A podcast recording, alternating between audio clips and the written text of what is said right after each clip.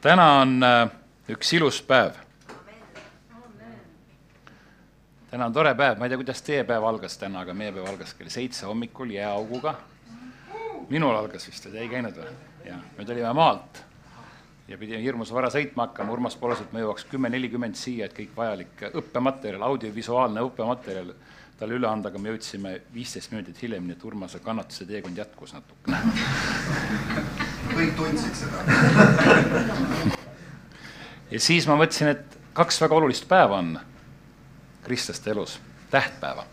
vast kõige olulisemad on see, et Jeesus Kristus sündis ja siis on see, et ta suri meie eest. et kui ta ei oleks sündinud, siis ta oleks saanud ka surra. kui ta sündis, siis olid seal loomad kaasas. koos loomade kõrval tema sündis. ja kui ta risti löödi, siis seal loomasi ei olnud, aga ometigi ta löödi risti meie eest, kui Jumala tall ohverdati meie eest, nii et eh, me võtsime visuaalselt kaasa ka koeradena. me ei ohverda teda ega midagi. aga aitäh sulle, ah ma panin sinna ka endale, okei okay,, super, suur aitäh sulle. et koer on kaasas ja kui te, ta võib-olla tahaks välja jalutama minna, aga ärge laske. las ta kannatab ka natukene, eks. ei, tema kann-, koertel on natuke vana kalendri järgi, ta kannatab veel edasi natuke. jah, see on võidu see on võidupäev, see on, ma hakkasin mõtlema, võidupüha, see on natuke niisugune kergelt rikutud termin minu jaoks, noorte jaoks ilmselt mitte. võidupüha tuleb mingi kommunistlik nõme termin meelde muidugi.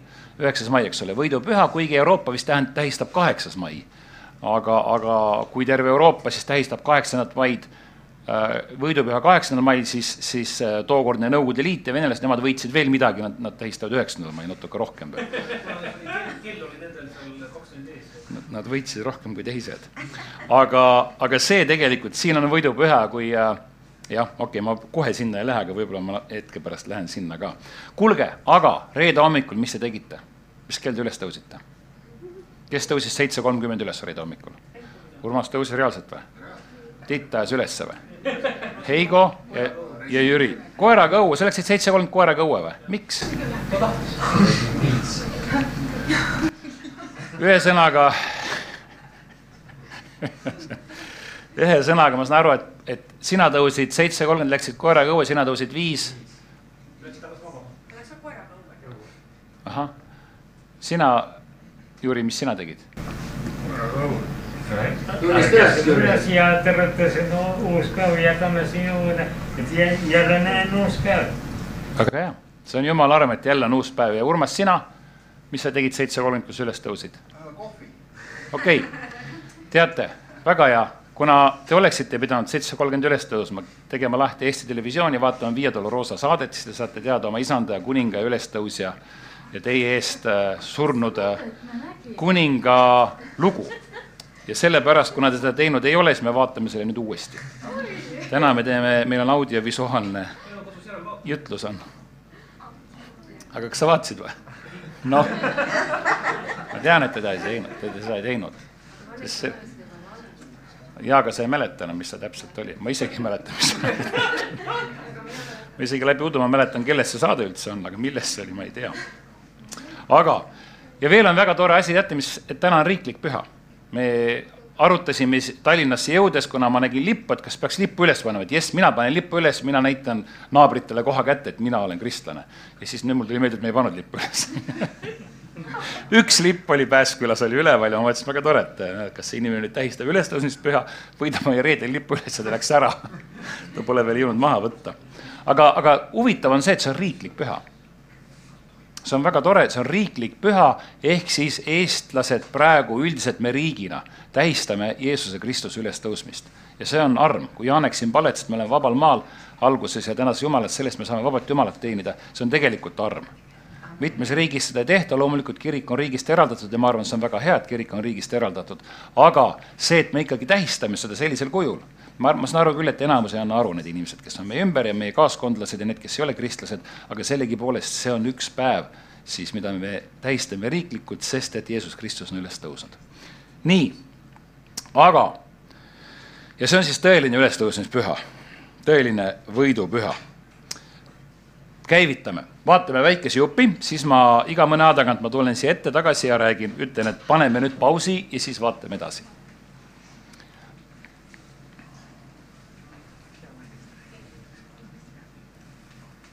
Jaanik võtab elektri ära, enne kui me hakkame vaatama. suur nädal ehk kannatuste nädal toob pika vaba nädalavahetuse. juba aastaid on peetud diskussiooni, et kas ka ülestõusmispühade teine päev võiks olla vaba, nii nagu paljudes Euroopa riikides on. Ülestõusmispühad tänapäeval seostuvad paljudele jänkude ja värviliste munadega, mis ka siin Eestis on ju rohkem, rohkem šokolaadist tehtud pühapäevale eelnevad vaikne laupäev ja suur reede, mille tähendust paljud ei tea.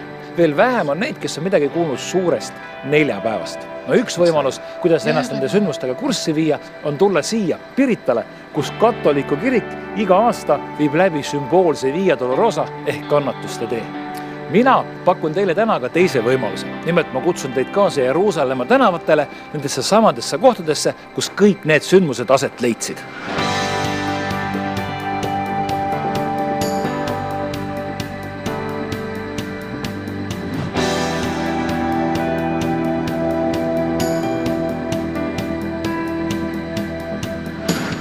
kuigi Jeesus elas Galileas, siis tema viimased päevad möödusid siin Jeruusalemmas. neljapäeva õhtul pidas ta paasapüha koos oma üngritega ja sõi seal Sioni mäel ülemises toas spetsiaalselt selleks valmistatud paasatalle söömas. pärast seda tuli siit läbi Kidroni oru, kuni jõudis siis Getsemani aeda, mis on nende kuldsete kuplite taga ja palvetas seal. reede hommikustel varajastel tundidel ta arreteeriti, sealt edasi viidi ta Pilatuse kohtukotta, mis on põhja pool ja seal määrati talle surmaotsus ja sealt edasi läks juba protsessioon mööda Via Dolorosat, kus ta tassis oma risti siis Kolgatale välja.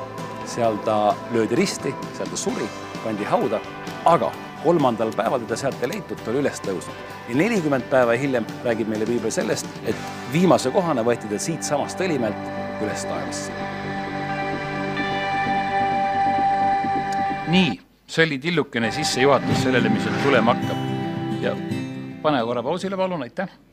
ja kui, kui Heigo luges ka neid sündmusi siin alguses, siis me saame natuke läbi käia nendest sündmustest ja nendest kohtadest, kus need siis juhtusid ja mis seal juhtusid. kuulge, kui paljude jaoks on see munadepüha, kui paljude jaoks on see lihade püha või lihade võtte, vabandust, lihavõtte, lihavõtte, eks ole, mitte lihade võtete. lihavõttepüha ja kui paljude jaoks on see ülestõusmispüha aga kuidas, kui te räägite, kuidas te räägite, see ei ole üldse hukkamõistmine ega midagi taolist, et kuidas, mis terminoloogiat me kasutame? me kasutame kõiki, mina kasutan ka kõiki, aga ma olen teadlikult, eriti sekulaarses seltskonnas, kui öeldakse häid pühi või ma ise kirjutan kasvõi siin eelmisel nädalal sain, nädal, said emailile näiteks allakirjutajad häid, siis ma panen alati häid ülestõusmispühi et ma teadlikult rõhutan siis seda ülestõusmist, mitte et ma kedagi väänaks kellegi kätt või midagi taolist, aga jah, need on ülestõusmispühad. kuidas, kes on harjunud šokolaadimunadega? ülestõusmispühade ajal? Sul ei ole kodus šokolaadi? on olemas? kellel on veel šokolaadimune kodus? kes on harjunud šokolaadi, ülestõusmispühadel, munadepühade ajal šokolaadimune sööma? tavalisi mune tuleb keeta värvida. kuidas? tavalisi mune tuleb värvida jaa, aga praegu me räägime šokolaadimunadest. ma lihtsalt küsin, sest et eh, kui me, kui mina olin väike, siis meil šokolaadimune ei olnud, aga munad ja, ja nagu sa ütled, tavalisi munasid, mida värviti, seda tõesti tehti ja minu ema pidas seda traditsiooni, meil väga palju traditsioone ei, ei peetud, aga kuskil nii, kui ma olin kaheteistaastane, midagi taolist, mu ema sai, hakkas usklikuks ja siis tuli neid kristlikke traditsioone rohkem. jõulud olid alati kindlasti olemas. aga need traditsioonid tulid rohkem ja siis ma mäletan ülestõusmispühade ajal me, ema alati tegi need värvitud mune ja siis ta oli jube tüütu, ta luges mingit osa evangeeliumist ja see oli sihuke nii, siis ta ei viitsinud väga kuulata, tahaks juba muna süüa pigem mul on väga hea meel, et ta seda tegi ja, ja see oli, see oli, see oli väga tore, kuigi sügaval südames aukartus Jumala vastu on minus alati olnud. kas keegi on selle Spirita kloostri Via Dolorosa äh, katoliku protsessiooni läbi teinud? ei ole keegi, jah? ma isegi ei tea, milline see on. ma, ma, ma ütlesin neid seda teksti, mis mulle ette kirjutati, aga ma ei tea, mida ma räägin seal täpselt. on jah? aa, oled käinud jah, okei okay.. Teil ei olnud midagi VHK ajal või? ma ei mäleta. Et oleks olnud. jah, ja, ja see saade, miks ma seda saadet näitan, loomulikult, et kes ikka koera saba tõstab, kui tema ise, kui te ei usu, siis vaadake, vaadake selle koera pealt, ta tõstab saba nii, et keegi, tema ise tõstab oma saba. tema saba või? ma ei, ma ei, ta, ta on väga võimeline seda ise tegema, mina ei taha tema saba tõsta. aga, aga tegelikult on see, et et Jumal andis meile võimaluse, nii ma saan täitsa ütelda, teha neli saadet. ja see on nüüd üks saadetest ja ilmselt ma näitan teile veel, ma lihtsalt vabandan ette, et miks ma seda näitan ja miks ma iseenda saba siis tõstan. aga mul tehti ettepanek kunagi tükk aega tagasi Iisraelis mingisugune väike saade teha ühe saatejuhi asemel, kui ma ei eksi, see oli see uh, see oli kristliku televisiooni poolt toodetud, äkki Teeliste kirikud või ma ei tea, mingi üks jupp oli seal Iisraelis ja seal oli üks teine saatejuht, aga ma nüüd unustasin ta nime. aga ühesõnaga, siis need saate tegijad küsisid, kas ma saaksin tulla, see oli päris absurd, kus ma siis kuskil võib-olla kahe tuhande kaheteistkümnenda aasta, ma ei mäleta, millal täpselt, siis äh, augustikuus ühe päeva lendasin sinna, teine päev, terve päev filmisime, järgmine päev lendasin tagasi, ma pidin ülejärgmine päev pulmas olema, midagi taolist. aga, aga, aga sellest ajast peale on siis mul olnud võimalus äh, käia Iisraelis. see oli riik, kus on siis äh, minu päästja pärit, kuigi mul ei olnud sellist tugevat vajadust või tungi, et ma pean ilmtingimata sinna pühale maale saama, ise nägema, katsuma. Austust, respekt ja lugupidamine on ja tore on seal käia, aga, aga kui ma isegi võtaksin reisi sihtkohta, siis ma ilmselt ei oleks võtnud Iisrael. aga nüüd on läinud minu elus niimoodi, et ma olen vist saanud seal üheksa korda käia ja üheksast korrast kaheksa korda me oleme filminud, teinud erinevaid saatejuppe, kõik need on läinud õnneks eetrisse Eesti Televisioonis ja siin-seal veel. ja algasime vist sellest, kuidas äh, kunagi me käisime, seal oli Maarja-Liis Ilus ja Jakko Maltis ja mingit kontserti filmisime, siis ma tegin lugu Eesti kõige kiiremast kirikuõpetajast, kelleks on Anti Toplan, kes jooksis maratoni, Tel Avivi maratoni kolm null kaheksa. mina olin, muideks ma olin teine eestlane. Anti oli kolm null kaheksa, ma olin teine eestlane, ma tulin neli kakskümmend kaheksa, tulin, jõudsin, jõudsin pool, poolsurnuna finišisse. ei, siis oli kaks tuhat neliteist oli aasta, viisteist, neliteist, see oli neliteist ja nii edasi siis ma mäletan neid lõbusaid lugusid, kuidas ma olime hotellis, filmisime Shabbati eripärasid, kus näiteks sa oled lifti, aga nupule ei saa vajutada, kaks lifti. ortodoksed juudid lähevad sellesse lifti, kus nupule ei pea vajutama, sa oled lifti ja lift lihtsalt peatub igal korrusel. kuna nupule ei tohi vajutada, see oleks siis puhkepäeval töö tegemine. ja siis teine lift seal üleval kütab edasi-tagasi või kui on ainult üks lift, siis ongi see Shabbati lift, ehk siis kui juut läheb sinna reede õhtust kuni laupäeva õhtuni, ta ei tohi tööd teha, ta ei tohi nupule vajutada väljas vaadates see kõlab naljakas, siin ma istun ja mõtlen, et jube kihvt tegelikult, et rahvus peab äh,, isegi sa ei pruugi ilm, ilmtingimata ortodoksne juut olla, aga nad võtavad aja maha, keskenduvad oma perele, oma jumalale, jumalale lihtsalt puhkavad. et me võtsime ka aja maha ja läksime maale tööle. jah, oli vaja ruttu puid maha võtta, et kui rohi kasvab, et need toomingad seal kuidagi äh, kuidagi äh, longu ei vajuks, siis me lõikasime puid ja siis mingi kohalik naabrimees, niisugune kohalik su suur ettevõtja seal, seal meie kandis ja siis mina ei tea, kas ta on kristlane või mitte, aga siis tuli sinna, sõits mööda juhuslikult mööda, meil on niisugune privaatne koht ja pidas kinni, esimene asi ütles mulle, et kuule, täna ei tohi tööd teha. siis ma ütlesin, mina olen kristlane ja avalikult tema ei ole, et noh. ja siis ma ütlesin, ega mina ei teegi, et naine ja, ja Eerik ja tema tüdruk jah. aga jah, siis point on, ühesõnaga see, me oleme seal filminud erinevaid asju, ma mäletan ühte lõbusat lugu veel. Äh, ma arvan, et see läks meil Ring vaatas vast eetrisse, kuidas siis, äh, kuidas hotellis me ei saanud kohvi, sest sa ei tohtinud nupule vajutada ja see barista või kes seal iganes baarileti taga oli, ta vist, või oli niimoodi, et musta kohvi said, aga cappuccino't ei saanud, et kuidagi see oli seotud kas siis, ma ei mäleta, mis ta täpselt oli, ühesõnaga niisugune keeruline süsteem. Või oli niimoodi, et kohvi ei saa, aga filtrikohvi saad, kuna see tilgub iseenesest öö läbi siis sa võid seda võtta. et kohati on see naljakas, teisalt on jube tore, et, et inimesed puhkavad ja peavad seda šabati, aga mul on siis olnud võimalus seal käia ja me oleme saanud teha kokku neli saadet, mis on siis seotud tänase päevaga, selles mõttes riiklike pühadega ja Peeter Võsu, kes on Eesti Kristliku Televisiooni juht, siis tema on see initsiaator ja, ja agitaator ja idee autor ja sena-, stsenaariumiga kirjutanud. ja tema siis mõte oli see, et saaks toota paar selli-, mõned sellised saated, et eestlastena me siis teaksime, mis asja me tegelikult tähistame. ja seal on jaanipäev, mis on tegelikult Johannese sünnipäev. siis on seal jõulud ja üks, mis me veel tegime, nelipüha, nelipüha on ka. nii et, et mul on hea meel, et mul on selline võimalus olnud, tuhat üheksasada üheksakümmend kolm kui me elasime Ameerikas, olime Oklahomas, siis jumal ütles mulle ühel palvekoosolekul, et ma hakkan televiis-, televisioonis tööle. kaks tuhat kaheksa ma hakkasingi, üks, just täna ma avastasin, et see aasta saab viisteist aastat täis, kui ma olen ERR-is saateid teinud ja juhtinud ja töötanud. nii et see on nüüd minu hea ja suurepärane võimalus, et mul on, ma tänan Jumalat selle võimaluse eest, et me oleme saanud sellise saate teha omal kulul, omal initsiatiivil, Peeter Usu ajas raha, ERR-il me lihtsalt tõime saate ja saime selle eetrisse selle lasta, mis on väga tore aga, aga et ma olen saanud sellist asja teha ja sestap on, on siis tore, et, et äh, need usinamad inimesed, kes reede hommikul seitse kolmkümmend üles tõusid, saavad vaadata, aga, aga uimasemad inimesed, me peame neile pärast järele näitama seda. vaatame edasi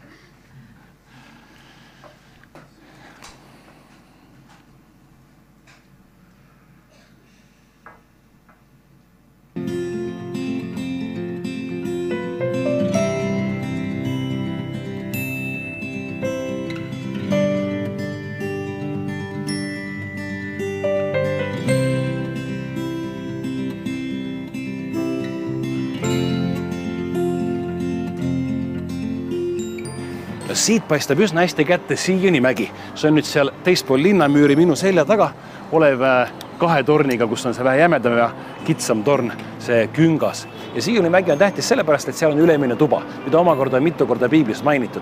kõigepealt Jeesus pühitses seal oma viimase paasapüha. selle äh, juutide jaoks rituaalse õhtusöögi ajal Jeesus andis ka oma järgijatele teada, et teda peatselt arreteeritakse ja hukatakse aga sellel ülemisel toal on ka rõõmsam tähendus, nimelt äh, nelikümmend päeva hiljem, kui tema järgijad olid taas ülemises toas, siis äh, langes püha vaim nende peale. Peetrus seepeale pidas ühe vägeva jutluse ja kolm tuhat inimest liitus hoovilt kirikuga ja seda peetakse kristliku kiriku sünnipäevaks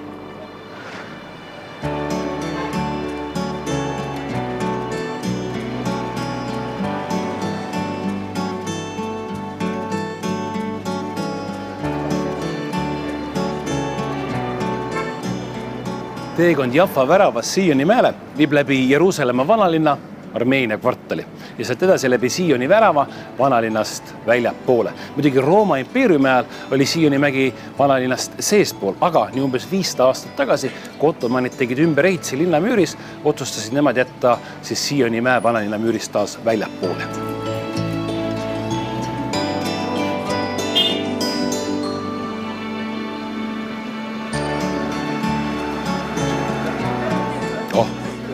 pähklid ja muud kommid. Polegi päris kommid, päris sellised äh, looduslikud asjad, ma vaatan. huvitav, kas siin Ülemisse tuppa minekut tuleb siis midagi kaasa võtta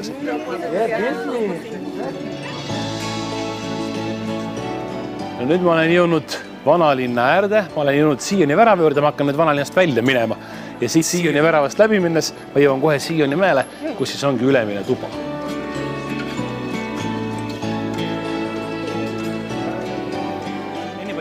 by any chance? You're Laney? Think you lost some money, did you?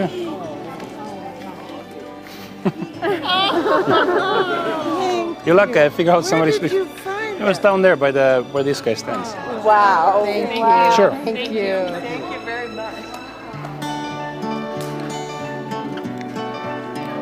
praegu sain suure heateo teha, nimelt üks ameeriklane Leine oli sealt pataka raha koos oma ümbrikuga unustanud, ma viisin talle tagasi. ma arvan, et Ülemisse tuppa minnes on see üks heategu. aga siin ongi see ülemine tuba, kus siis suure nädala sündmused said kõik alguse, kus siis Jeesus otsustas oma lähimate järgijatega paasapüha pidada, mis on üks juutide kõige olulisematest pühadest. teeme kiire pausi. ma saan jälle oma saba kergitada. aga tegelikult see oli nüüd äh, see vaikne neljapäev, et me teame suur reede, eks ole, ja vaikne laupäev on, aga öeldakse ka vist, kui ma ei eksi, on vist vaikne neljapäev. kuidas? või suur neljapäev? suur neljapäev, suur reede ja ülestõusmispühad. ja siis on esmaspäev. vot mina ei teadnudki nii väga, enne kui ma seda stsenaariumi lugesin, et on olemas ka, ise olen kristlane pool elu, üle poole elu, et on olemas ka vaikne neljapäev. aga, aga see on nüüd see koht, kui vaikne neljapäev oli siis see, et, et kui, kui me võtsime praegu armulauda ja Heigo ütles, et Jeesus tutvustas oma jüngritele midagi sellist, mida polnud kunagi enne olnud, siis see, et armulaud, et see leib või jah, leib, mis nad võtavad, on tema ihu ja veri, mis nad joovad, on tema veri, et siis, et selle läbi me siis saame nii-öelda osaduses olla temaga, siis see, et nad läksid sinna Ülemisse tuppa, see oli tavaline. juudid saidki kokku, nad pidasid, see oli paasapühade aeg. Oli vist, on ju? me, ma ei tea, kas me jõuame lõpus vaadata äh, Iiri õetütar, anna, tookordne Tel Avivi magistrant annab meile seal ka intervjuu ja räägib, et mis see paasapüha siis Iisraeli kontekstis on. aga see ei olnud midagi uut juutidele, sel päeval, neljapäeva õhtul nad nii või naa tulid kokku, sõid kõik, pidasid pidu ja pidasid paasapüha. ma minu arust see oli nüüd viimase saate ajal oli nelipühi saade, mis me filmisime ja me sattusime hotellis vist ka äkki oli šabati õhtu, see on siis neil reede õhtu vastu laupäeva või oli see äkki mingi pidu, ma ei mäleta. me filmisime nelipühi saadet, aga loomulikult me filmisime enne nelipüha, eks ole, me ei olnud nelipüha ajal seal. see oli veel üks tore pidu, kuningas, kuninganna Estri tähistamise pidu oli vist vahetult enne olnud seda, aga minu point on see, et see hotell ja restoran, kus me tihti oleme peatunud, siis seal hotelli restoran äkitselt too õhtuks oli see ümber kujundatud, ta oli niisugune pidulikum, sinna hul-, sinna ilmus suur hulk juute, erinevad seltskonnad, ühel olid paar lauda kinni pandud, ühel oli üks laud, siis nad seal tantsisid, laulsid, pidasid kõnesid, jõid veini, rääkisid äh,, lugesid eda-, ette siis seda Toorat, Talmuti, ühesõnaga oma Vana Testamenti asju ja see oli väga huvitav vaadata, ma ei ole niimoodi enne sattunud, kui rõõmsad, kui lõbusad, kui tore see oli niisugune üldine ettevõtmine, kus pered said kokku, suguvõsad said kokku, nad pidasid pidu. Ja nüüd Jeesus seda samamoodi, ma, see võib-olla on ajas muutunud, see peopidamise äh, äh, kuidas öeldakse, kaste, aga traditsioon ja see on vana, nii et kui Jeesus läks sinna ülemisse tuppa, siis tegelikult see oli juba, oli midagi juba ennist. ja mina mõtlesin, et Jumal õnnistas mind, kui me seal filmisime, siis ma käin mööda tänavat ja korrutan ja mõtlen teksti, mis ma pean ütlema ja vaatan, ennäe imet, Jumal on pannud mulle raha. Jeruusalemma tänavale, enne Ülemise tuett on pannud mulle ümbriku sisse pataka raha, ma võtsin ümbriku maast, piilusin sisse, see oli viiesajaste šeikid, ma ei mäleta, mis seal täpselt, igatahes no see oli raha, noh. ja ma mõtlesin, et tänu issandale, näed, minu vaev on tasutud. sest et kui me seda saadet teeme, siis ütleme, puht ainult finantsiliste kaalutlustel, mul on targem olla Eestis ja siin tööd teha, kui seal käia, sest ma lähen miinustesse, ma siin teenin rohkem. Aga, aga kuna see on heade inimeste abiga, kirikute nõukogu toetusega, kristlased on, on meile aidanud seda saadet kokku panna, et siis äh, ma miinu-, selles mõttes ma reisides miinustesse ei jää ja kulud on kõik kaetud ja väikse lisatasu sealt saame ka, aga aga kui ma kõik need tunnid siin Eestis töötan, siis ma reaalselt teenin rohkem. nii ma siis mõtlesin, et näe, ennäe, issand on mind õnnistanud ja saatnud mulle pataka viiesajaseid. mõtlesin, huvitav, kas ma peaks kaameramehe ja sellega ka jagama või panen kohe tasku. aga siis, kuna ma olin ülemisele toani lähedal, ma arvan, et kui ma oleks kuskil Araabia kvartalis olnud, see ei oleks niimoodi olnud, aga aga jumala vaimu võim oli nii tugev, ma tegin, vaatasin ümbriku teist poolt, vaatasin Wells Fargo, siis ma mõtlesin, okei okay,, see on mingi ameeriklane, see on Ameerika tuntud pank ja siis ma vaatasin sinna peale kirjutatud Leini. siis ma vaatasin paremale-vasakule, nägin üks niisuguse võilille soenguga daam koos oma ülejäänud ameeriklaste grupiga, nägi välja nagu Leini. tead, ma ei tea, milline see oli, aga ma läksin, küsisin, et kuule, et kas siin juhuslikult on keegi Leini ja siis tuli välja, et on Leini, nii et äh, ma ei saanud seda raha. ma pole siiamaani saanud seda raha aga jah, see on siis see koht, kus nad läksid Ülemisse tuppa, kus nad äh, sõid äh, viimase õhtusöögi ja, ja kus siis Juudas reetis, aga nüüd me saame edasi vaadata, aga see ongi reaalselt see koht, kui nad palju vaidlevad erinevate kohtade üle, palju kaevatakse praegusel hetkel asju välja. Ja mida rohkem välja kaevatakse, seda rohkem saab, saavad juudid öelda, et jah, me oleme siin maal olnud juba tuhandeid ja tuhandeid aastaid, mitte et me tulime nelikümmend seitse siia, valutasime selle. vaid see on nende esisade maa ja, ja ka Taaveti linn on seal Jeruusalemma lähedal välja kaevatud ja üha rohkem leitakse tõestusi, et see on juudi, juutide maa, nad on seal olnud, aga selle ülemise toa all korrusel on siis äh, haud, mis, mida peetakse üheks Taaveti hauaks, mitte et oleks mitmesse hauda ma-, maetud, et oleks tükeldatud, vaid eks ikka on erinevaid arvamusi. aga selle ülemise toa kohta nad ütlevad üsna kindlalt, et traditsioon räägib, et seal see tõesti juhtus. seesama, kus siis see viimane paasatall söödi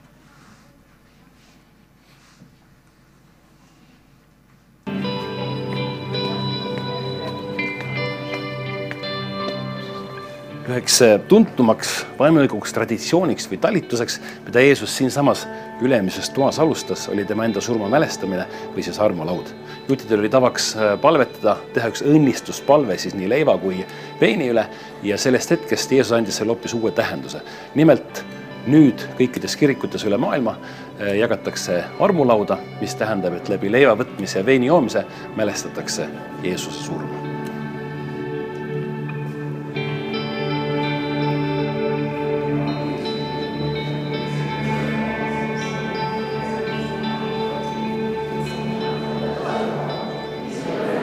Täna kuulub see paik Iisraeli riigile. katoliku kirik on seda kohta tahtnud pidevalt ära osta kui nende jaoks väga tähtsat pühapaika. nagu ma näen siin minu taga praegu parasjagu grupp palvetab ka. aga Iisraeli riik on keeldunud, nimelt sellesama maja esimesel korrusel on nende kõige suurema ja vägevama kuninga Taaveti haud. muidugi see ülemine tuba sai endale uue altari tänu sellele, et paavst Benedictus kuueteistkümnes külastas siis kahe tuhande üheksanda aasta maikuus pühamaad ja astus ka sellest ülemisest toast läbi. See on üks väga omapärane altar, ma peaks ütlema väga minimalistlik, arvestades sellega, kuivõrd oluline ja suur tähtsus on sellel ülemisel toal. mulle meeldib, kergelt põhjamaine, ma ütleks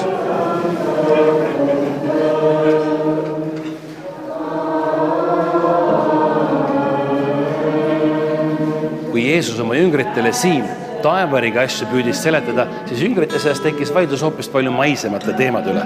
Nemad nimelt mõtlesid, et kui on riik, järelikult peab olema ka mingisugused ministrikohad ja omavahel neid jagama hakkasidki. muidugi selle peale Jeesus kutsus oma jüngrid korrale ja ütles, et tähtis ei ole mitte aupositsioon, vaid tähtis on teiste teenimine, nii nagu ta ise meil eeskujuks oli ja meile seda näitas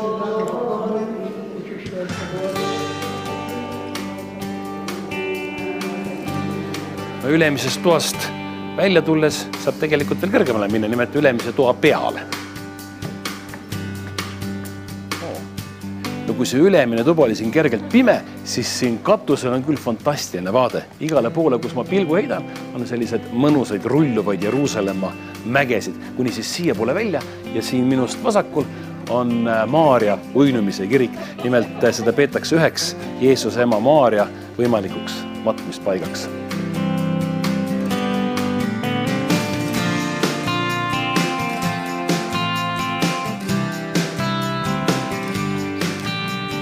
tunne jäänud, et kui ma siin Jeruusalemmas ringi käin, siis igal kohal on oma kass.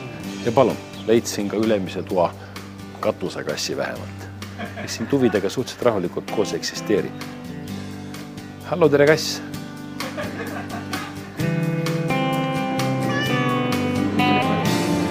kuningas Taaveti haud.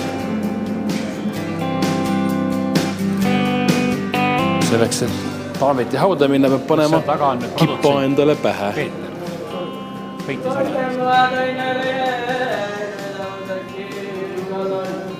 Taaveti haud. no siin ilmselgelt on juudid, kes siin käivad, sest nende jaoks on see ääretult tähtis oluline paik. kaua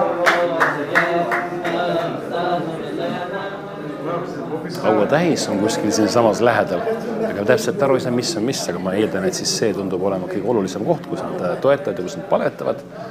siin ilmselt oli siis kuningas Taaveti haud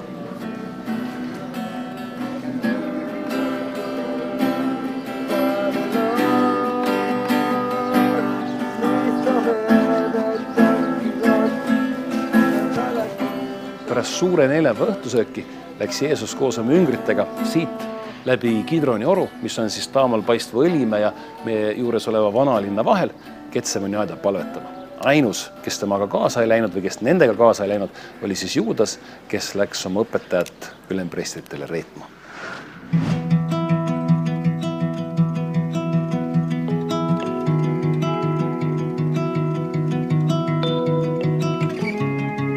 pärast paasapüha õhtusööki tuli Jeesus koos oma üngritega siia oliivipuusalusse Ketsemani aeda. muideks needsamad oliivipuud, mis seal minu selja taga paistavad, on pärit Jeesuse aegadest.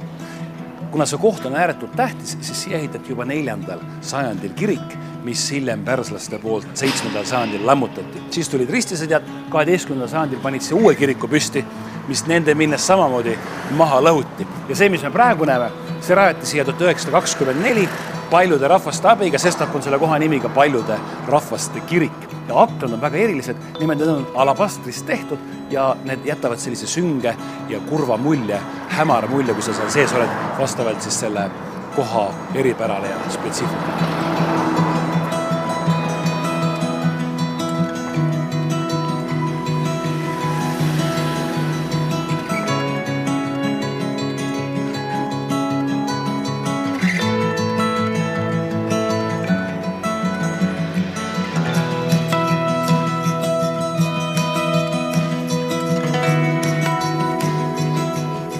Getsemani aias on tähistatud kalju, mille ääres Jeesus palvetas ja huvitav on see, et selle kalju teine ots on kirikus sees.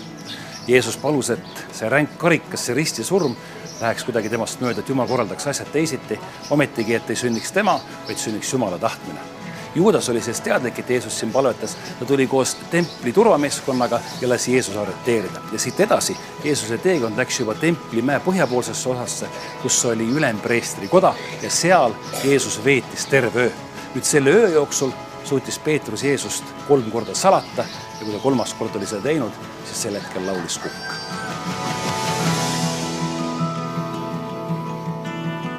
ma veel küsisin monteerija käest, kuule, miks sa tõesti laulis Kukk või? ma ei mäleta, et oleks Kukk laulnud, aga loomulikult eks ta monteeris selle sinna kuidagi sisse. käis kuskil kanalas Kukke hääli salvestamas. see on nüüd see koht, nüüd on ta ülemisest toast ära tulnud, nad on selle söögi lõpetanud, siis Juudas läks eemale, eks ole. mäletate seda, nad isegi küsisid Jeesuse käest, et kuule, kes üles annab sind ja siis Jeesus ütles, see, kes käe koos äh, minuga leevakaussi pistab, midagi taolist ja ma olen alati imestanud selle üle, et nad oleksid ju aru saanud siis, et see on siis Juudas ju. aga kuidagi on siis minu jaoks natukene siiamaani segane, et sa täpselt aru ei saa, et mis seal siis toimus ja kes, kes mõistis seda, mida Jeesus ütles ja kes mitte. aga ülemisest toast nad olid selle õhtusööma lõpetanud ja Jeesus teadis kogu aeg enne seda, ta ju oma jüngritega ringi käies mööda maad, need kolm aastat, mis ta käis ta hakkas neil ühel hetkel, ma ei tea, millisel ajahetkel selle kolme aasta periood, perioodi jooksul, ta hakkas ühel ajahetkel neile teada andma, et ühesõnaga ta hakkas oma jüngritele rääkima, et mind antakse ära, ehk siis Jeesus teadis, mis teda ees ootab. ta teadis päris täpselt, me saame ju Jesaja kirjast, mis oli, kas oli Eigo seitsesada aastat enne Jeesust kirjutatud või viissada või seitsesada? oli, enne seda oli kirja pandud okei okay,, viissada aastat enne oli kirja pandud, mis juhtub et teda pekstakse ristil, ta, ta välimus muutub tundmatuseni, ehk siis kui sa enne vaatasid talle otsa, tead, et näiteks see on Janek või see on Heigo, siis, siis risti peal või enne kui ta risti läks, teda, teda peksti nii otseselt, et sa vaatad otsa, sa saad aru, mis inimene see on. see on nii pulstunud või see on nii verine, see on nii lõhki kistud, et sa isegi ei saa aru. nii et Jeesus enda sees ta teadis, mis teda ees ootab ja ta nägi, et need sündmused hakkavad üha lähemale tulema. ta jagas matsu, ma ei tea, kui täpselt ta kõike teadis, mis toimub, aga piisavalt palju informatsiooni oli Vanas Testamendis olemas piisavalt palju informatsiooni, et olla hirmutatud. ja nüüd on siis see, et kus ta läks Ketsamini aeda ja palvetas. mäletate, inimesed, tema jüngrid ei jaksanud palvetada. Neil oli kõht täis, nad olid söönud lambatalle, nad olid joonud veini ja nüüd hakka mingi Jeesusega palvetama, tahaks ju magada seal, eks ole, seal, sealsamas aias muideks. ehk siis inimlik nõrkus, see on, minul on see suur lootus muideks. ja see on suur abi mulle, kui ma saan aru, et isegi need jüngrid, need kaksteist, kes muutsid terve maailma. Need kaksteist, kelle tegevusest praegusel hetkel kaks koma neli miljardit inimest on usklikud, kes usuvad Jeesus Kristust, mis on maailma kõige suurem usk. et need kaksteist, kes magasid, kes ei jaksanud palvetada, et, et ikkagi noh, neil on väikest lootust, nii et kui te jääte praegu magama, siis teil on lootust. aga te saate aru, me kindlasti kõik teame oma nõrkasi kohtasid, oma läbikukkumisi ja mõtleme, et ah jumal, miks te nagu Peetruski, et mine minu juurest ära, ma olen patune inimene. mina olen mõelnud niimoodi, et mis sa mind valisid, et ma ei jaksa, ma ei suuda, ma ei viitsi ja ma ei taha ja ma tahan, ma tahan suusatada, ma ei taha.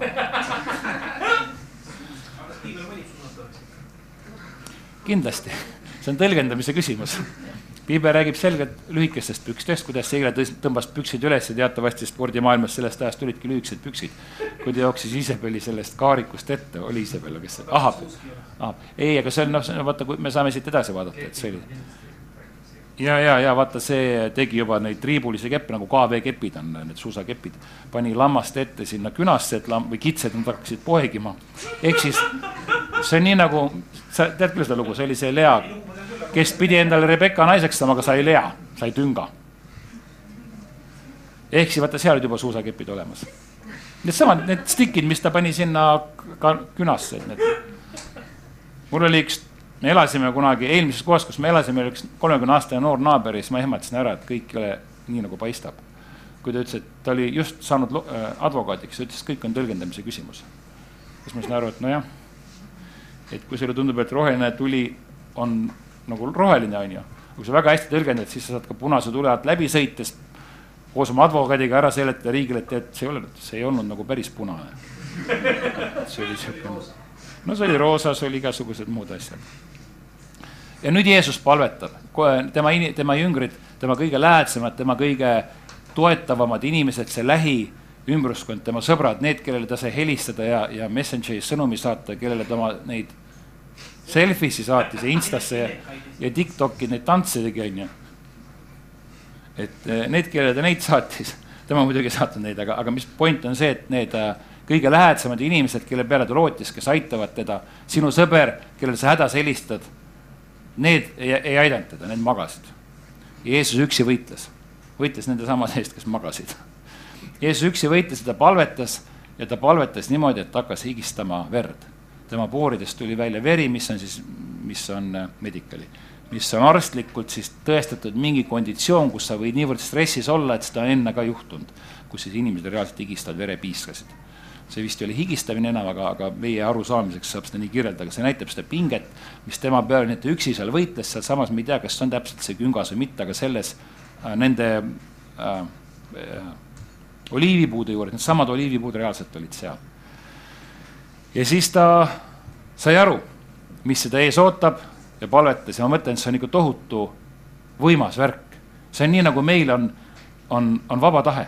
me saame iga päev, iga hetk valida, nagu sa ütlesid, Jüri, jube, Jüri, jube kihvtilt, et, et ärkasin üles ja mõtlesin, et jälle on uus päev meil ees, eks ole. see arm on uus iga hommik, päike paistab, sul on jälle uus võimalus äh, olla parem inimene. sul on jälle uus võimalus tunda rõõmu sellest elust ehk siis saab valik, valiku saab teha iga päev, me prep paarisuhte koolitusel siis räägime ka sellest või me küsime inimestelt, et mis on armastus ja siis tekitame grupi arutelu ja tihti öeldakse, et armastus on tegusõna. et see, et see väljendub sinu tegudes. väike vahepaus reklaamiks, mis täna hommikul saadeti kirikute nõukogule, on see, et viiendal, kuuendal ja seitsmendal mail siit kahesaja seitsmekümne nelja meetri kaugusel on PREP paarisuhte koolitus kristlastele, see tähendab seda, et kui üks paarist on koguduse liige, siis saab kas neli või viis korda odavamalt selle koolituse läbi käia, kui ta tavaline turuhind on. kirikute nõukogu toetab, see on paarisuhte koolitus kaks ja pool päeva siis paaridele ja mina olen üks läbiviija, minu koolituspartner Kaia Kapsta on teine läbiviija. nii et pange kõrva taha tõesti, kui keegi tahab tulla, soojalt soovitan ja viis kuni seitse mai on see, on see olemas ja see on, kui ma ei eksi, see on kuuskümmend eurot nägu, muidu vist on äkki kakssada kuuskümmend või midagi taolist, ma tean, umbes nii. nii, aga Jeesus siis tegi otsuse, ta tegi valiku, ta oleks võinud, muideks mitte, tal oli vaba voli öelda, et ma ei tule. ta palvetas, et sinu tahe sündigu, nii nagu me palvetame, et äh, oota, kuidas me palvetame, pastor? ah? ei, ei ei, meie ei saa oodata. sinu, jah, sinu riik, olgu sinu tahtmine sündigu. Jeesus palvetas seal samamoodi põhimõtteliselt.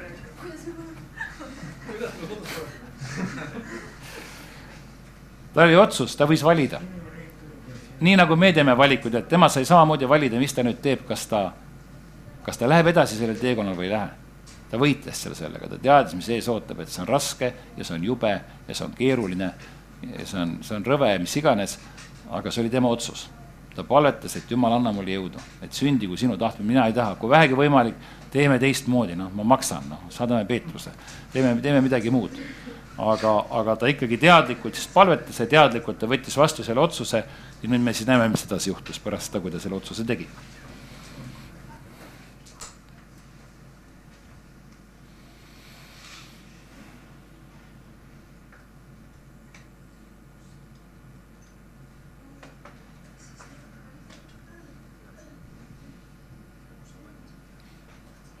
ma võin ise juurde rääkida.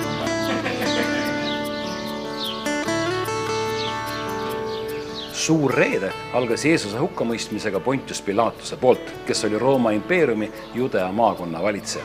kui Jeesus oli valesüüdistuste alusel surma mõistetud, siis viidi ta hukkamisele. see teekond hakkas siit kohtuplatsilt pihta, mis on Antoniuse kindlus Jeesus pidi ise oma risti siis tassima mööda teed, mille nimi on Via Dolorosa ja Via Dolorosa on terves maailmas tuntud kui kannatuste tee. praegusel hetkel asub siin Antoniuse kindluses all oma Maria kool. sel teekonnal on eriliselt tähistatud peatuspaigad, nii need peatuspaigad kui ka Kolgata on Rooma keisrinna Helena poolt nimetatud kohtadel ja selle Via Dolorosa esimene peatuspaik ongi see koht siin, kus Jeesus surma mõisteti.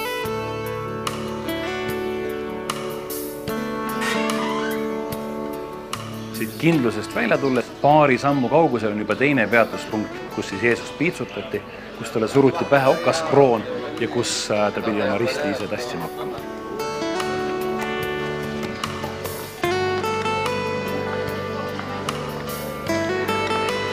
paarsada meetrit kaugemal on kolmas peatuskoht ja see tähistab seda hetke, kus Jeesus siis kukkus oma risti raskuse all kokku. kohe kõrval on ka neljas peatus, kus siis Jeesus äh, kohtas oma ema. see koht on äh, praegusel hetkel Armeenia katoliku kiriku halduses.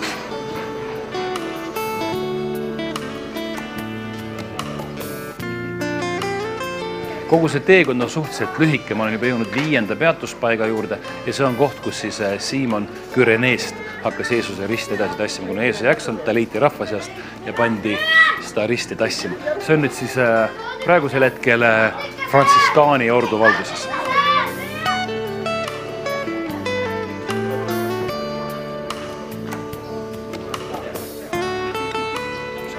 natukene pikem teekond. Jeesus ise risti enam hästi jaksanud, Siimon jaksas. no nagu näha, palverändurid on siin juba kohal ja seletavad neid samu asju, mida mina praegu teile ütlen. nimelt olen ma kuuenda koha juures ja siin Veronika siis ulatas äh, Jeesusele näoräti. Veronika kohta viited küll piiblist puuduvad, aga kiriku traditsioonis on need täiesti olemas ja Veronika tähendab tõelist usklikku.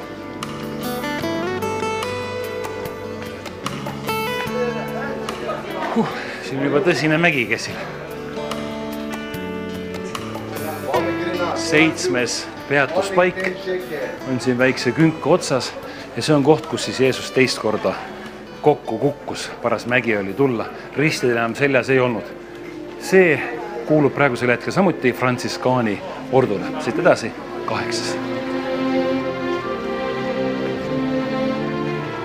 kaheksas koht see on paik, kus siis Jeesus hoolimata sellest, et ta ennast viidi hukkamisele, leidis endas jõudu, et lohutada Iisraeli nutvaid naisi ja see koht kuulub praegu Kreeka katoliku kirikule.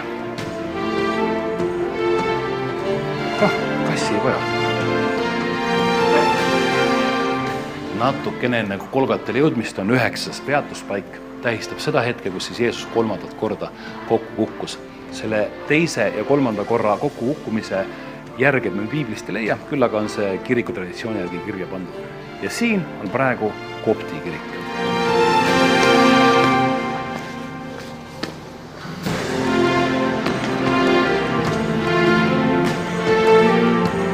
viimased viis punkti on siin äh, Jeesuse püha haua kirikus. kümnes on see, kus Jeesuselt võeti riided, üheteistkümnes ta löödi risti kaheteistkümnes Jeesus sureb ristil, kolmeteistkümnes ta võetakse ristilt alla ja neljateistkümnes ta asetatakse hauda.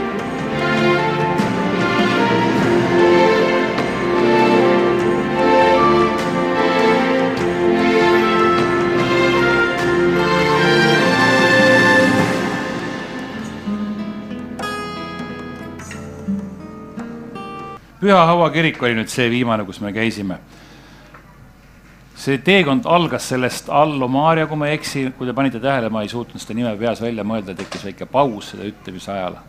see paus, kui sa muidu salvestada, sind filmitakse, siis niisugune tunne, nagu see paus oleks kaks minutit, aga seal oli ta võib-olla ainult sekund, kuna mul läks meelest ära, mis Al-Maria, Allo-Ria, mis asi selle kooli nimi oli.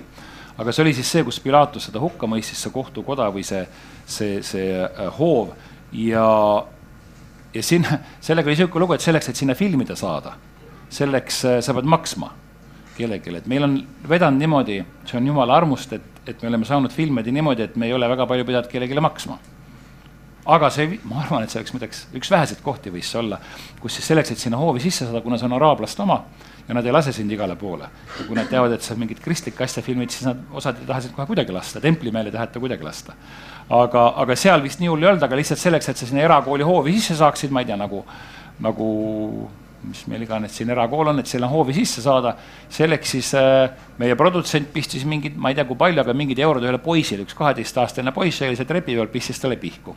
Läksime sinna sisse, siis tegime need kaadrid ära, jalutasime ringi, filmisime natukene siis kui me välja tulime sealt trepist alla, see oli siis selle enne esimest peatuspaika, siis mingi vend võttis meid kohe seal oot-oot-oot, sihuke täiskasvanud mees, araablane, et kus te, kus te nüüd käisite, kas te maksite kellelegi, ma ütlesin, jaa, ma maksin poisile, aa, väga hea, friend, friend, suurepärane. ja see oli nii lõbus nagu üks poisike sai pataka jäätise raha endale, suure jäätise selle raha eest võis osta, ma ei tea, palju, kakskümmend eurtsi, võib-olla viiskümmend eurtsi, mis andis, see Peeter talle, ma ei tea. aga, aga see on naljakas nagu, kuidas see süsteem seal käib, et et äh, jah, tõesti, see on kihvt tegelikult, kuidas me oleme saanud filmida, aga ka Templimäel me oleme käinud, seal kontrollitakse, et ega sul kaamerad ja asju kaasas ei ole. ja kui, kes sa ütlesid, Janek, et telefonis on piibel, ei, kes see ütles, kes teist ütles, Leho? keegi, Leho vist luges, ütles, et telefonis on terve piibel, siis Templimäele araablased, mis on siis Jordaania kuningriik kuidagi nende halduses, valduses, Iisraeli politsei valvab, et sa ei läheks sinna näiteks piiblitega, sest kohe tekivad seal rahutused, kuigi see on seesama mägi, kus oli Saalomoni, Saalomoni tempel. siis äh, nad nad korjavad ka piiblid ära, sa jätad sinna alla punkti asjad. ma ei tea, kas sa käisid üleval templimäel seal? et sa jätad ka asjad sinna alla, kus on suured kaamerad, me tegime nii, et me võtsime kaamera küljest objektiivid ja asjad kõik lahti. aga kuna tänapäeval saab filmida niivõrd väikeste asjadega. ja see, kus me seal templimäel filmisime, siis äh, see nägi välja nagu fotoaparaat, pilte võid teha, aga nad ei taha, et sa seal filmiksid. ja mikrofon ei tohi ka küljes olla, kas me avastasime, et iPhone neli töötas väga hästi rinnataskus, ta salvestas väga hästi heli, seda ei ole näha, aga ta on siin. no, no täpselt, aga jah, siis hakkasid asjad tulema, aga tänapäeval jah, tõesti saab igast imeasjadega filmida, eks ole. ma seisin ka seal järjekorras, päris pikk järjekord, et seda saada ja, ja oli hästi nagu põnev siis äkki tuleb meelde, mul piibel kotis tekki ja, ja ma mõtlesin täitsa, et noh, et ma tahan seda ikkagi kindlalt saada, mul ei olnud kedagi teist nüüd kaasas ka. ja siis ma lihtsalt mõtlesin, et ma ikkagi nagu, no vaatan ära, mis juhtub, onju, ja nad midagi seal kontrollivad selle sissepääsu juures yeah.. aga niimoodi nad ei tulnud, et ma nagu minu kotti päris vaataks, onju. ja siis ma läksin oma piibliga sinna, käisin seal piibliga ära. vägev. sa oled rebel, sa oled seadusevastane ja meil oli nii, et me keerasime objektiivid kaamera küljest ära, mikrofon võeti ära, nii et see kaamera kest võis jääda, millega saab pilti teha. aga Ain suutis ka ilma objektiivita filmida seal, nii et ta ikkagi tegi asjad ära. aga, aga see on huvitav uh,. jah, jah, nad ei taha rahutusi seal. et see on huvitav koht. mis mõte mul, aa, ja nüüd on see teekond. kui sa hakkad mõtlema, Jeesus seal Ketsemani ajas palvetas, ta võitles nii kõvasti, et ta palvetas äh, nii et ta higistas verd ja ta teadis, et nüüd hakkab see pihta ja nüüd ta viidi siis sinna Pilatuse ette, seal teda peksti ja mõnitati, ta peale sülitati, talle suruti pähe see äh, okaskroon, vist oli all, kui ta vantsis üles sellega või, või oli all pandi vist okaskroon. ja, ja ühesõnaga siis ta võttis kogu selle alanduse vastu, ilma et tema oleks seda välja teeninud, ta oleks võinud vabalt sealt ära astuda. kui tänapäeval vangis enamus ütlevad, nemad pole süüdi, keegi teine tegi seda siis tema reaalselt ei olnud süüdi, tõesti, tänapäeval on ka vangis mõni inimene, kes on süütuna sinna sattunud või vale kuriteos sinna sattunud. aga, aga ta oli tõesti süütu. ta teadis ja kogu aeg ta oleks võinud kõrvale astuda, ma mõtlesin seekord esimest korda seda, et oleks võinud öelda, okei okay,, sorry. ma ei ole kuningas, ma ei tea midagi, mis siin toimub ja, ja ma olen Pilatus, ma hakkan su paremaks käeks ja ma ja nii edasi, et oleks võinud sealt selle rae pealt kõrvale astuda ta oleks võinud, ma ei tea, kõhuli visata sinna esimesse või teise punkti, ütlema, et ta ei lähe enam edasi, ta ei jaksa, ma ei tea, kas teda oleks siis kantud või ma ei tea, kuidas see asi seal oli. aga tal kogu aeg oli võimalus ja valik, et mida ta nüüd edasi teeb. ma, ma tegin kaks tuhat üheksateist, ma olen alati tahtnud teha triatloni, täispika triatloni ja ma tegin triatloni siis esimest korda elus ja ma alati mõtlesin, et kui ma selle triatloni teen, siis ma tahan teha seda oma venna mälestuseks. Ja see on niisugune paras ja raske teekond, igasuguseid spordivõistlusi ma olen ennegi teinud ja paljud meist siit on teinud Janekiga ja Eerikuga me oleme teinud koos ja aga see on niisugune pikk raske teekond, kus sa pead arvestama, et mida sa teed. et see on, see oli, mina esimest korda tegin, oli kolmteist tundi ja sa pead arvestama ja, ja mõtlema, et sul jaguks jõudu selleks, et minna lõpuni välja. triatlonis on ujumine on tore, kuigi kaks korda, kolm korda, kaks esimest korda, kaks viimast korda on väga halb ilm olnud mul aga muidu on niisugune tore, siis ratast on ka juba natuke toredam sõita, aga see ikkagi väsitab ära, kui sa kuus tundi järjest sõidad, siis jääd natuke kangeks. ja seda kaheksakümmend kilomeetrit, siis sa pead sööma vahepeal, ühesõnaga minu mõte on see, et ma võtan ette ühe tea-, teekonna, mul on algus ja mul on lõpp. Ja ma pean tegema selle teekonna nii, et ma jõuaks sinna lõppu välja. ja mina tegin siis ise oma venna mälestuseks, teie ja heade annetajate abiga ma korjasin kingitud elu vähiravifondile kaks tuhat eurot toetuseks neile ja, aga see oli niisugune teekond, mis sa ette võtad. ja Jeesus oli see, see, see minu teekond, ma mõtlesin venna peale, et mis tast sai, kuidas ta kokku kukkus, kuidas ta sai selle uudise, et tal on ajukasv, mu vend suri ajukasvasse. et kuidas selle uudise sai, mida ta siis tegi edasi, kuidas ta kiiritusest läbi käis, kuidas ta äh, operatsioonil käis ja, ja, ja nii edasi ja nii edasi, mis mõtteid ta mõtles selle viieteist kuu jooksul, kui ta pärast diagnoosi lõpuks ära suri. tema jaoks oli see kannatuste rada, see triatlon võrreldes tema tegevustega ei, on lihtsalt tilulilu aga see on rada ja meie käime rada, sa sünnid ühel päeval ja sa sured ühel päeval ja ühel päeval sa annad aru Jumala ees, et mida sa nüüd teed, mida sa tegid oma eluga. ja loomulikult keegi meist ei ole täiuslikud ja nii nagu need kaksteist jüngrit magasid, me magame ka. magame maha, magame palve ajal, aga siiski Jumal andis meile stardi ja ta teab, et me jõuame lõppu, kui me tahame. ja siis ma mõtlesin, et sellest ei ole piisav, et ma teen veel ühe raskema asja. ja ma aasta aega tagasi käisin siis niisuguse suusa, maailma kõige pikemal suusasõidul, mis kestis mis oli kakssada kakskümmend kilomeetrit pikk. ja sa alustad hommikul kell viis ja sa lõpetad öösel natuke enne ühte-teist ja pealambiga ja siis sa oled seal polaarjoone taga, sõidad sada kilomeetrit ühele poole, sada kilomeetrit teisele poole, ilm muutub, siis sa pead arvestama, mida sa sööd, mida sa selga paned ja seal mitu kutti katkestasid. üks, üks eestlane, kes oli seal meie pundis, ma polnud teda kunagi enne näinud, sa natuke seda suusaseltskonna tead, ma polnud teda kunagi enne näinud ja ma isegi vaatasin, mõtlesin, et huvitav, et ma saan aru, kui sa vahel lähed Tartu maratoni lõpetad selle kaheksa tunniga, võtad ränkraske teekonna ette, aga sellega ikkagi lõpetad, siis ma vaatasin seda kutti, mõtlesin, et huvitav, et miks ta siia tuli. sa raiskad tunniku raha, lendad kuhugi polaarjoone taha, selleks, et siis seal võistelda ja tema tõesti kaheksakümnendal kilomeetril tuli rajalt ära, sest sai aru, et see on liiga raske. siis oli mul üks kutt, kes suusatab palju paremini kui mina, tema tuli saja kaheksakümnendal kilomeetril ära, sest tal olid külmakrambid. see, see matt tegelikult oli kakssada, pidi olema kaks kakskümmend, aga oli kaks ja ta ei, ja ta ei jõudnud lõpuni ta läks ja läks ja läks, aga ta ei jõudnud lõpuni. Jeesus läks ja läks ja läks ja läks ja jõudis lõpuni. ja see lõpp läks üha rõvedamaks. minu lõpp oli see, et ma saan, mind võetakse vastu, meil on sõbrad on seal, me saame sauna, ma saan ühe õlu ära juua, ma saan süüa, mul on soe, valgust paistab. see minu lõpp oli ilus, aga tema lõpp läks üha hullemaks. ja tema oleks võinud selle raja pealt kõrvale astuda, aga ta ei astunud meil samamoodi, me ei saa kõrvale astuda, me peame lõpuni minema, kui tema juba kannatas ära, sa ei pea kannatama. nii, vaatame edasi.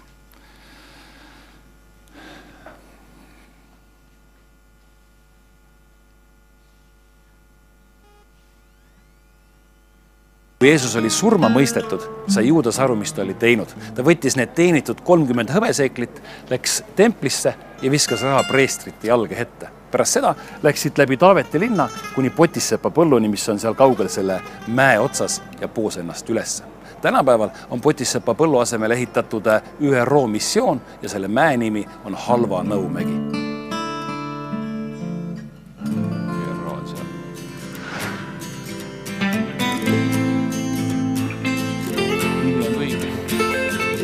Kolgata ja Jeesuse matmispaiga suhtes tekkis eriarvamus üheksateistkümnenda sajandi teises pooles, kui Briti kindral Gordon leidis alternatiivse koha, kuhu Jeesus võis olla maetud. ja see teine koht on siin Damaskuse värava lähistel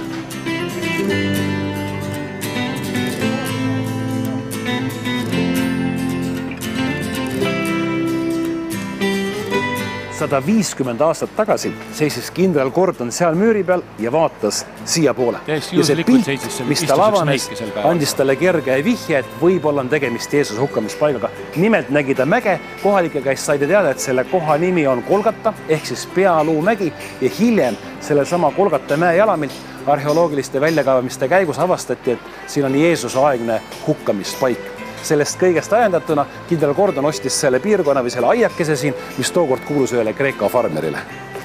no kui siin mäe lähedal seistes võib-olla nii selget pilti ei saa, siis kaugem vaade, mida see foto meile pakub, annab üsna hästi mõista, et tegemist on tõesti kolju või kolgata mäega, siin on silmaaugud, nina ja välja joonistub tõeline kolp. Ja veel siit lähedalt läheb mööda tee, mida ilmselt on äh, kasutanud ja ehitanud siis roomlased ja nende teede lähedale siis rajati või nende teede läheduses kasutatigi paiku inimeste hukkamiseks.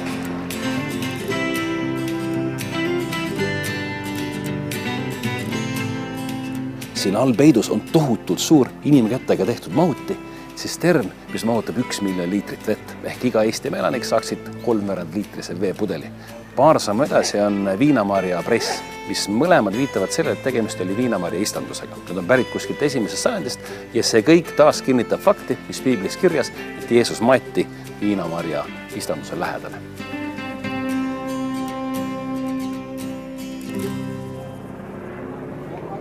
see hauakamber avastati või õigemini kaevati välja siis tuhat kaheksasada kuuskümmend seitse ja see vastab üsna täpselt piiblis kirjeldatule, nimelt on see pärit esimesest sajandist ja selle hauakambri sisu paiknemine on ka väga omapärane, nimelt äh, see oli suht haruldane niimoodi, et, et oli leinakamber ja siis oli matmiskamber, see matmiskamber jääbki nende, nende trellide taha siia ja siin on kaks kohta, kuhu siis surnukehad sai panna, üks koht on siiamaani kasutamata, see, mis minu arust jääb parema poole, aga sealpool siis tõenäoliselt lebas Jeesuse surnukeha ja kui seda teist nurka sinna allapoole vaadates on näha, et siin on tehtud väikene süvend, nimelt kui surnukeha see asetati, siis äh, uuristati see vastavalt tema pikkusele.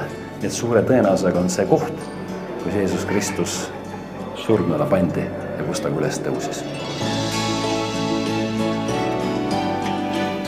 He is not here for he is risen, ta ei ole siin, sest ta on üles tõusnud Need sõnad kõlasid esimest korda ingli suust. esimest korda kuulsid neid sõnu naised, kes siis pühapäeva varahommikul tulid siia lõhnarohud kaasas selleks, et Jeesuse surnukeha balsameerida. Nad jõudsid kohale, avastasid, et suur kivi, mis mööda seda renni hauasuu ette veeretati, oli kusagile kadunud ja siin ingel teataski neile, et teda ei ole siin, Jeesust ei ole siin. seepeale naised jooksid tagasi Peetruse ja Johannese juurde, teatasid neile uudisest, Peetrus ja Johannes jooksid kohale, samamoodi tõdes, et Jeesust ei ole siin ja juba siis mõni hetk hiljem Jeesus ise ilmutas ennast kahele jüngrile Emmause teel ja õhtupoole nii Peetrus kui Johannes kui ülejäänud said teda näha siis sealsamas ülemises toas. Now this place has been for uh, like 150 years it has been discovered and then you have the Church of Holy Sepulchre which has been there for centuries. What kind of evidence you have to say that this might have been the place where, the, where Jesus was uh, crucified and, and buried? So, I mean, first of all, I would want to make it clear we, we do not say that we think the Holy Sepulchre are wrong. Um, we're not in competition. Um, the main focus of our ministry is to talk about Jesus himself, his life, death, and resurrection. There are reasons why we think this site is worth looking at as a possibility for those events that we read about in the Gospels.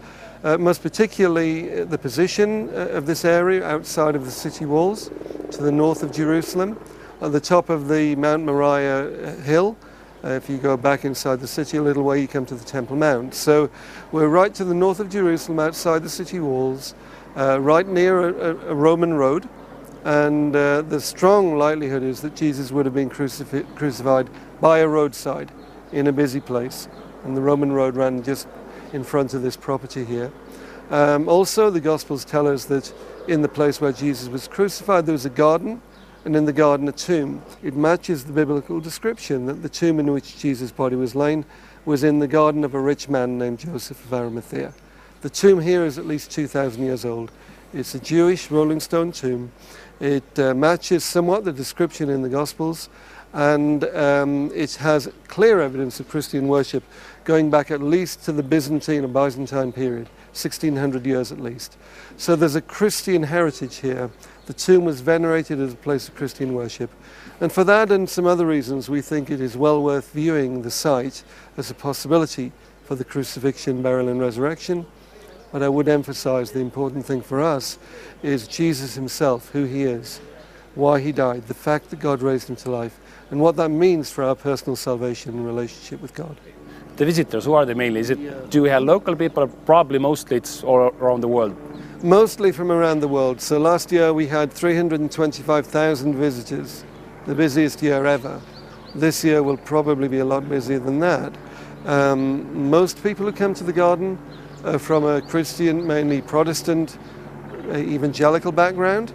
Uh, we get Catholic groups as well, and maybe not um, Protestants who aren't evangelical, but the vast majority are from a Protestant evangelical background. But we also get tourists from around the world. For instance, the number of Chinese visitors is increasing massively. So the biggest people group by far is English speaking from the US. So the Easter time coming close, it means like uh, it get, probably gets really busy. Easter, around Easter, February, March, April, May, busy times of year. Thank you. It's a pleasure.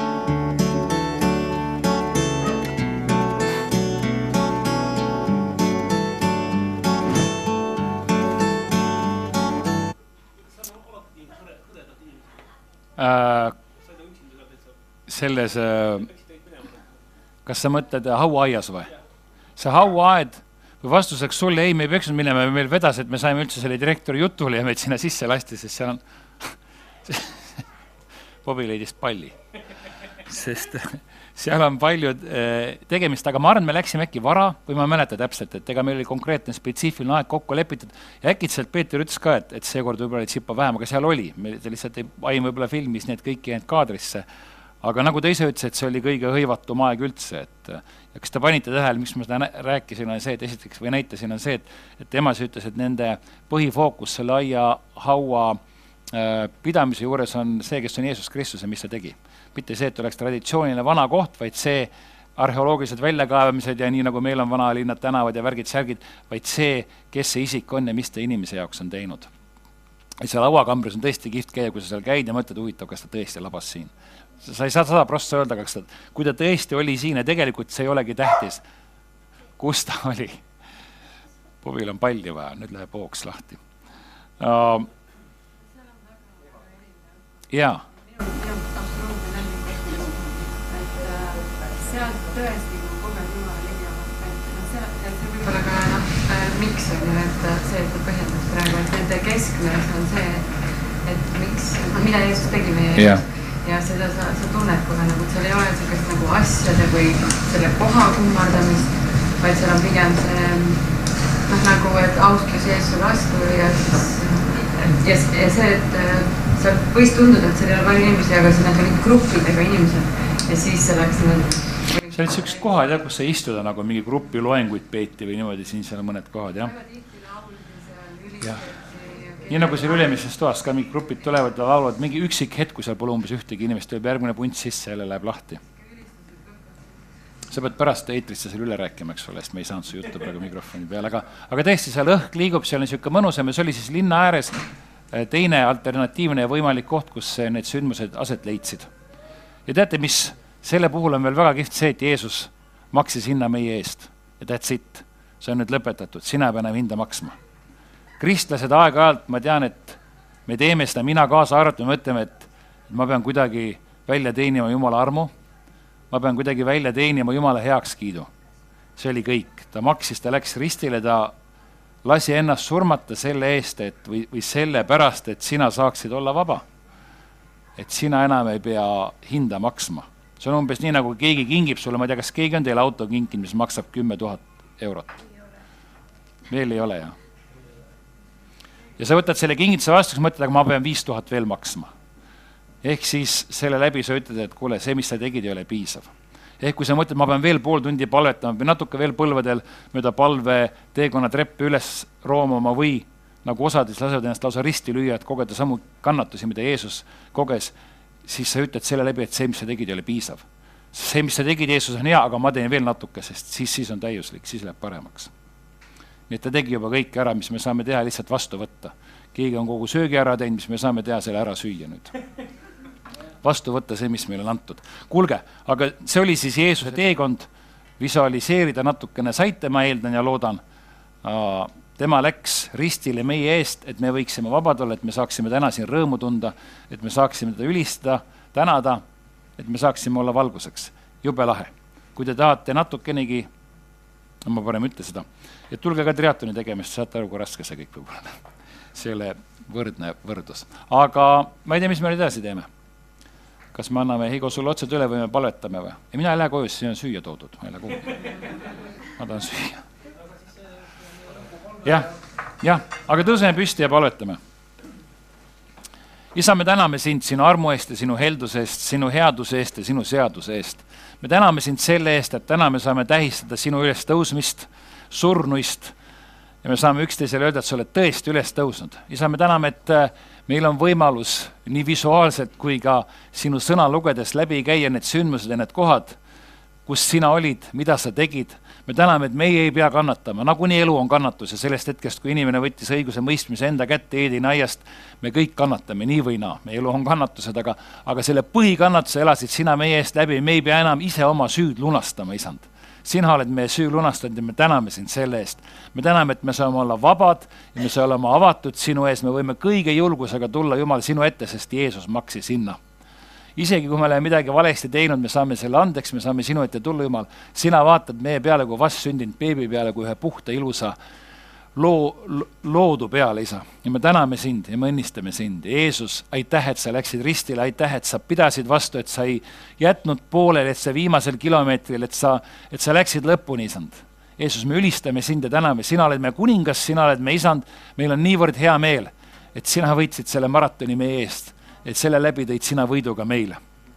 me täname sind, isand issand, ja me õnnistame seda, mis me nüüd siin süüa saame siin ülestõusmispühade puhul ja päeval ja täname, et sina oled see, kes meil iga päev leiba annab. issand, me täname sind sinu armu eest ja sinu headuse eest. aamen. nii et jumal õnnistagu sind, jumal tõstku oma pale sinu üle, lasku oma pale paista sinu peale. jumal andku sulle oma rahu, jumal olgu sinu vastu armuline. kohtume järgmine pühapäev. aamen